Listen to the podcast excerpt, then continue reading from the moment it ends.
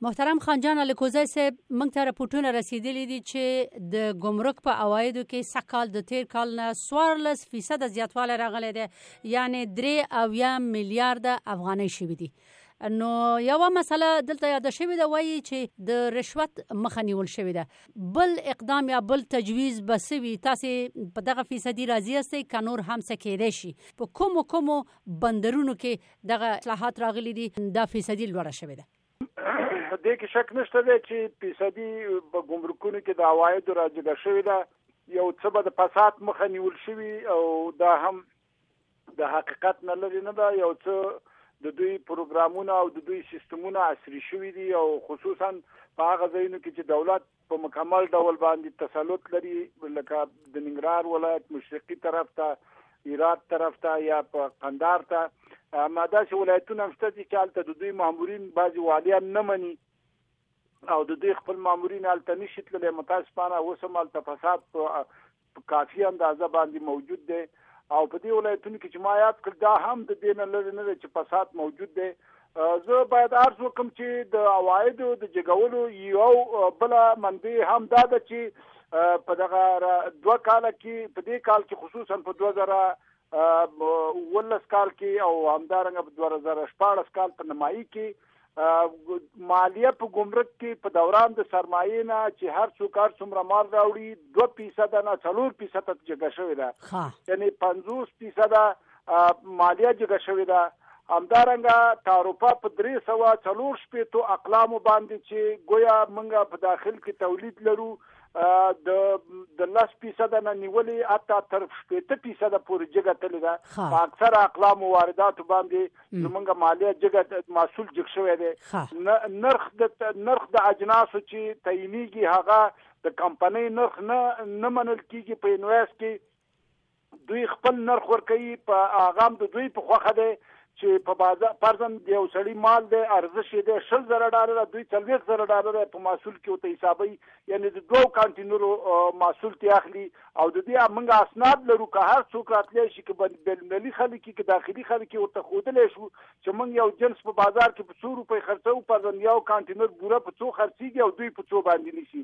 یعنې دا هغه عوامل دي چې عواید یې جګ کړي دي زمونږ ارقام چې په اتاق تجارت او سکتور خصوصي کې دي، زمونږ تجارت د نورو کلونو په نسبت حتی د پروس کال په نسبت هم تجارت کم شوی دی، واردات هم کم شوي دي، نور تجارت خو نه لرو، زمونږ واردات دي، زمونږ صادرات خو د پنځه سوه او څلور سوه او شپږ سوه میلیونو ډالرو نه نه جګېږي، اما زمونږ ټول واردات یو وخت و چې په دوه زره دیارلس کې، دوه زره څوارلس کې موږ پنځلس میلیارد ډالرو په ارزښت باندې واردات درلود دا اوس و میلیارد ته رسیدلي دي پر سکل په 2019 کال کې موږ و میلیارد ډالر په ارزښت باندې واردات کړی دي نو زه په دې باور یم چې یو بخش بدایي دی کې چک نشته دی چې یو څو فیصد به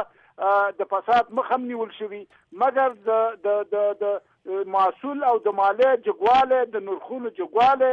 دا د دې عوامل شوی دی چې عواید جګ شوي دي. اوس هم غیر قانوني پیسې په ټولو ګمرکاتو کې متاسفانه یو تعداد زورور اخلي. نه تنها یو تعداد زورور بلکې د قانون د ګمرکاتو له مخې نه، د تعرفې له مخې نه هیڅ امنیتي قوت حق نه لري چې زموږ په مالونو کې مداخله وکړي، مګر دا اوس هم زموږ مالونه هم د نظامي څارنوالانو د طرفه نه بررسي کیږي، هم د جنایي استخباراتو د طرفه نه، دا هماغه پاټکسالاري ده چې پخوا به دې د جلال اباته پورې له موټر بو او څلویشت زنځیرونه به وو، هماغه زنځیرونه اوس هم دي، یو د وزارت داخلې نماینده دی، بل د څارنوالۍ نماینده دی، بل د نظامي شورا نماینده دی، بل د بل نماینده دی او خپله ګمرک هم مراقبت سیار لري، خپله د تنفیذ کمېټه لري، هغوی جدا بررسي کوي. ته داسې فکر وکړه که یو مال په هرات کې محصول شي تر څو چې کابل ته رارسېږي دومره محصول ترې نور اخیستل کېږي لکه څومره چې په هرات کې اخیستل شوی دی. نو دغه هغه غیر قانوني عوامل دي چې عواید یې جګ کړي دي. نو تاسو څه تجویز کوئ چې اوس په دې راتلونکي کال کې په خاص ډول باندې په کومه ساحه کې په کوم سکتور کې کومه برخه کې بدلون پکار دی او دغه پټک سالاري چې تاسو ویل د دې مخه فکر کوئ نیول کېدل شي زه فکر کوم چې تر اوسه پورې خو یې مخه نه ده نیول شوې، ګرچې اراده په شورای علي اقتصادي کې موجوده ده. ما څو څو ځله جلال ماب رئیس صاحب جمهور ته دا پیشنهاد کړی دی، حتی هغه وزیرانو ته اخطار ورکړو، فرمانونه یې صادر کړل چې په ګمرک په کارونو کې هېڅوک مداخله نه شي کولی، مګر متاسفانه چې تاسو وینئ دلته جنګ دی، دلته دا ناروا جګړه چې ده دا یو تعداد خلکو بانه نیولې ده او بالاخره بعضې مجبوریتونه به مي د دولت د بعضی مصلحاتونو په اساس باندې قانون نه تطبیقیږي اوس هم دغه بدبختی شته او د ټولو نه خطرناک خبره دا ده چې د دې ټولو بدبختیو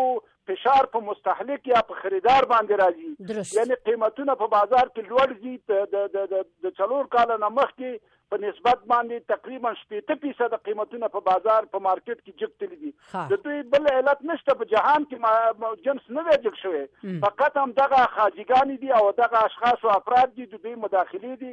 نو اه، تر اوسه پورې خو موږ خپل مبارزې ته ادامه ورکړې ده او مونږ به د خپل اواز ستاسو د لارې د دنیا د لارې د خپل داخلي تلویزیونونو او همدارنګه په شورای عالی اقتصادي کې مونږ غړیتوب لرو خپل جناب ماب رئیس صاحب جمهور سره په هفته کې یو ځل ګورو هغه ته هم د خپل عرض وړاندې کوو او دا ورته وایو چې دغه سي مشکلات دي د دې مشکلاتو په ارتباط باید تدابیر ونیول شي مګر تر اوسه پورې متاسفانه دا مشکل نه دی حل شوی هغه ولایتونه چې تاسو ویلي چې الته رشوت شته دی او زیاتره مثلا چارواکي مامورین په ادارو کې ګمرک کې دي ځایونو کې د اوامرو ته غاړه نګدي او مالیه هم نه ورکي دا کم کم ځای نه دي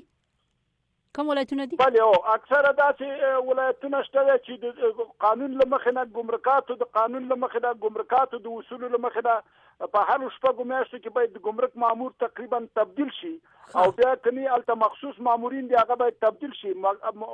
اکثره دغه مامورین په نورو ولایتونو کې تطبیقي تبدیلیږي مګر په شمال ولایتونو کې نه تبدیلیږي ټول شمالي ولایتونو کې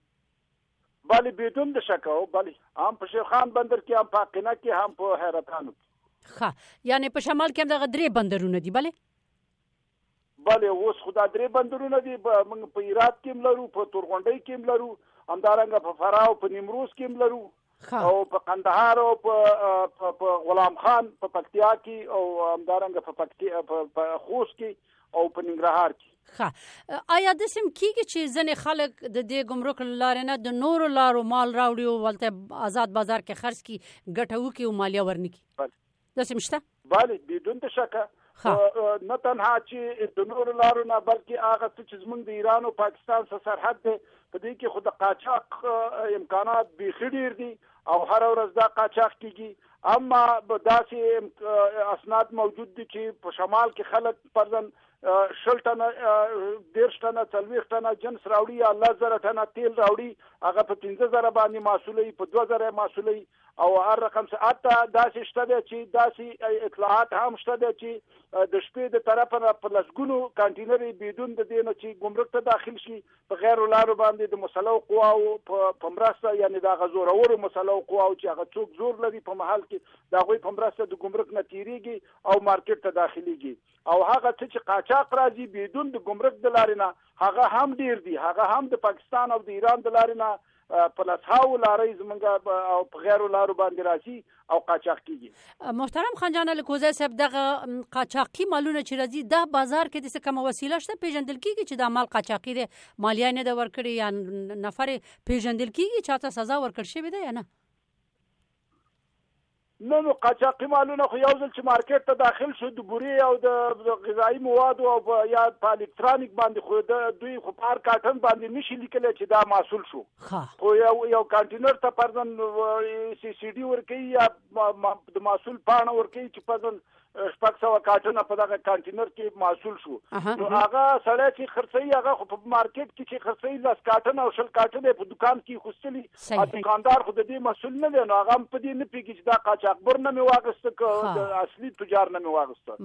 یو ځل چې دوی باید په لارو کې او په دروازو کې او په نورو ځایونو کې په کنټرول وکړي او د دوی اسناد وګوري خصوصا ګمرک نور ادارې نه بلکې ګمرک اما دا اوس بدبختی دا ده چې نور ادارې دلته ملوث دي هغه مال چې قانوني اسناد لري هغه ودرې دا غینه پیسې اخلي اما هغه چې غیر قانوني هغه ته هیڅ هم نه وایي ځکه چې دا غي سره خود دوی خپل لار ادامه مرکز دغه نه د سرحد نه چې روان دي دوی تخپل حصہ ورکول کیږي تر مرکزه پوري هغه ته معلومي هغه غیر قانوني مال دی لکه څنګه چې هیروین پوډر د یو ځای نه تیرې چې ترڅو پوسي او ترڅو سره پولیس همکاري ونه کړي خو هغه نشي تیرېدلی بنان د هغه ځای نه هغه غیر قانوني مال په ډیر آرامۍ سره دکان ته را رسیږي مګر هغه قانوني مال چې دی هغه نه را رسیږي محترم الکوزه صاحب د څه فکر وکړي چې د څه فرض کوي چې دغه د رشوت او اداري فساد مخه بالکل نیول شو ټول مامورین بس وجدانن کار کوي د قانون سره سم کار کوي د قاچاق مخه مونیول شو څه فکر کوي کده سی وشي د افغانستان په اوایدو کې به څومره زیاتوالی راشي د سپیش بینی کولای شي بله یو زه په دې باور یم چې که د دغه ټول فساد او د دې ټولو مسایلو دغه ونیول شي په افغانستان کې یو مالی او مسول نه دی په لسهاو قسمه ټکس په افغانانو کې ورکول کېږي د سرک ټکس دی د ښاروالۍ ټکس دی د مخابراتو ټکس دی د د د د د ترانسپورت ټکس دی پسې را تېر شه په یعنې مونږ چې حساب کړي دي تقریبا د شلو نه اضافه ټکسونه دي چې په افغانستان کې خلک ورکوي علاوه د مالی او د محصول نه زه په دې باور یم چې مونږ تقریبا څلور پنځه قسمه مالیه لرو هغه مالیه چې د کورونو نه نیولې پسې را تېر شه د موټرو نه نیولې د هر څه نه نیولې که په دې کې شفافیت راشي په ګمرک کې اوس خو مونږ تنها دغه ټوله مالیه چې راټولو د ګمرک نه راټولو موږ اته اته فیصد مالیه چې راټولېږي دا مالیه او محصول چې راټولېږي ټول د ګمرکاتو نه راټولېږي اما لوی ترين عواید په نور دنیا کې خو دغه نور خدمات دي چې د خار نه راټولېږي د بازار نه راټولېږي د موټر نه راټولېږي د مامور نه راټولېږي د ډاکټر نه راټولېږي د کور نه راټولېږي د کرایه نه راټولېږي د خدماتو نه راټولېږي هغه هیڅ نشته متاسفانه زه په دې باور یم که چیرته دا کار وشي زمونږ عواید د دې نه څلور چنده کېدلی شي